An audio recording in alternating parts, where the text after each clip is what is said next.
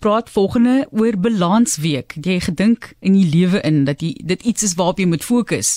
Ons gesels met Elisna Herman en sy is 'n fisioterapeut by Berg en Silje Fisioterapeute, balans en vertigo spesialis en ons praat oor die feit dat jy al in jou 40's hier aan moet aandag gee. Baie welkom aan jou Elisna. Baie dankie, dit is baie lekker om met julle te gesels. Ek moet sê, kyk. ek was op universiteit. Ek gaan nou die storie deel want daar is dit 'n vertigo geval gewees natuurlik. Jy kan vir ons dit bietjie verduidelik, maar jy dink jy aan balans totdat jy in die middel van die nag wakker word. Jy sit reg op die bed, ek het letterlik amper van die bed af geval want ek het heeltemal my balans verloor en toe het ek baie erge vertigo gehad en soveel so dat ek afgeboek was. Hulle het my uh, gesê gaan lê want ek kon letterlik nie regop sit nie. Ek het elke keer as ek regop ja. gesit het naar geraak.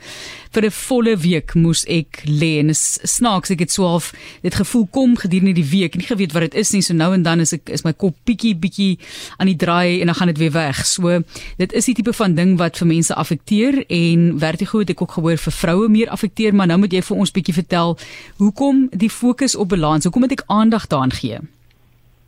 Ja, dit is iets wat nogal baie algemeen is en ons sien dit al hoe meer veral na die COVID wat nou so algemene ding was. En um, dat vertigo 'n baie algemene ding is in individue. En um, vandag gesels ons praat ons bietjie oor die fokus van balans spesifiek en vertigo is een van die dinge wat ons balans affekteer. Selfs in 'n vroeë en 'n jong ouderdom, soos jy nou vertel, wat dit ons affekteer. Maar as ons kyk na algemene mense en die ouderdomsgroep middeljarige ouderdom nou meeste van die luisteraars sal seker nou reg op sit in hulle stoel as ek sê middeljarige ouderdom is eintlik enige iets van ouderdom 40 en hoër um, en dat ons reeds dan al aan ons balans met aandag gee um, en dit is so belangrik omdat ons reeds van ouderdom 40 af op ons balans moet fokus as ons ouer as 65 jaar oud is sal 1 uit 3 mense gewoonlik per jaar en die ouderdom bo 80 val 50% van mense. En nou meeste van die luisteraars sal seker dalk nou dink ja, hulle is nie 'n valrisiko nie want hulle is nie bo ouderdom 65 nie, maar hulle het wel balans uitvalle of balansprobleme.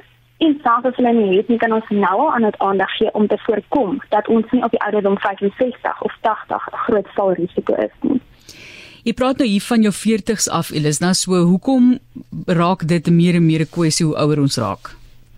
Gewoonlik, die algemene mens gee nie so baie aandag aan hulle fisieke aktiwiteite en ook balans bo die ouderdom van 40 nie, want ons is so besig met werk en ander rande tipe goeders dat ons nie spesifiek aan balans aandag gee nie. Ek dink meeste van die luisteraars kan getuig dat hulle nie wakker word in die oggend en dink ek moet gou-gou 'n paar balansoefeninge doen voor ek my koppie koffie drink nie. En dit is juist die probleem. Meeste jonger mense gee baie aandag daaraan want hulle is nog aktief en aan die beweeg. En soos dit ons ouer raak, raak dit minder. Daarom moet ons tyd aan spandeer en die navorsing wys ons dat ons sowat 2.5 ure per week aan balans en versterking moet spandeer by die ouderdom 40. As ons nie wil hê ons balans moet afneem soos ons ouer word nie. Goed, jy gaan nou vir ons verduidelik hoe ons dit moet doen. Hoe werk ons aan ons ja. balans en daadwerklik gaan sit en fokus daarop. So is daar mense wat byvoorbeeld balanskwessies het en hulle weet dit nie eers nie, want jy kan dit dalk net so voel vir 'n oomblikie en dink jy ag wat, ek het dalk misgetrap of hoe skeef getrap, hoe dit ook al sê, is daar mense wat regtig 'n probleem het en dit nie weet nie. Ja, daar is baie verskillende goeters wat ons balans kan affekteer. Dit party mense het duidelike simptome en besef dat hulle wel 'n probleem het met hulle balans. Ander het regtig nie simptome nie en sal steeds 'n balansprobleem hê. En daarom is dit altyd goed ek sê baie keer jou liggaam is eintlik soos 'n kar wat in outomaties ry. Ons is gewoond om te ry, ehm um, hy is outomaties, hy ry vorentoe, ons het nie 'n probleem nie. Jy vat steeds jou kar jaarliks vir 'n diens om te kyk of al sy parte werk. Jy wag net tot die olie liggie aankom vir hom om te gaan vir 'n diens nie. En ons liggaam en ons balans is dieselfde. Ons moet eintlik jaarliks gaan van die ouderdom 40 opvolg by jou fisioterapeut of jou GP en 'n uh, algemene ondersoek doen. En baie keer sluit dit in ons balans, dit ons balans, dit balans op verskillende maniere. Baie keer as ons die balans toets, kom ons agter daar's 'n probleem en dit is nie noodwendig iets wat jy sal optel as jy net normaal rond is rond beweeg werk gaan terugkom en so voort nie. As jy vra het, is jy welkom om dit te stuur op SMS lyn 45889. Dis rand 50 per SMS. Almal bo die ouderdom van 40. So, kom ons kyk gou vinnig hoe mense daaraan werk. So is dit moet ek doen al het ek geen simptome nie. So ek moet eintlik maar in elk geval elke dag gaan staan en balansoefeninge doen al het ek nie simptome nie. Is dit wat jy sê? Ja, so ek dink 'n goeie manier wat die luisteraars dalk ook hulle self kan toets vir hulle balans. Ek sê gewoonlik toets hoe oud is jy in balansjare.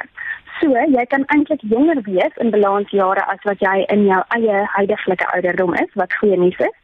So, as ons byvoorbeeld by 'n tafel staan waar jy jou hande op kan neersit, net sodat jy naby aan iets is en jy maak jou oë toe.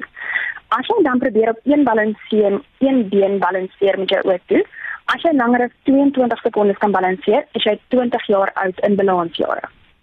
Goed. As jy slegs 8 sekondes kon balanseer, is jy 40 jaar oud in balansjare. En as jy dadelik omgeval het en jou oë oopmaak, is jy 60 jaar oud in balansjare. Jy wil ideaal ideaal ideaal jonger wees as wat jy in jou regte ouderdom is. Jy wil jonger wees in balans.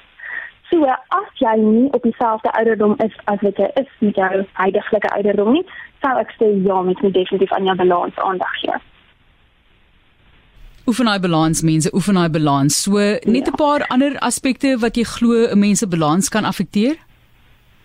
Daar is drie hoofgoeders wat ons balans affekteer. Die een is ons oë, die ander een is ons ore en die ander een is propriosepsie. Nou propriosepsie beteken weet ons waar is ons gewrig in die ruimte. Nou enige van daai drie goeders wat geaffekteer is, kan ons balans affekteer. Baie ander eksterne faktore kan dit ook affekteer, soos verskillende tipe siektes, ehm um, verskeie mediese medikasie wat ons gebruik kan ons balans affekteer en soos wat jy nou genoem het wat jy vir 'n kort periode werklik gehad het.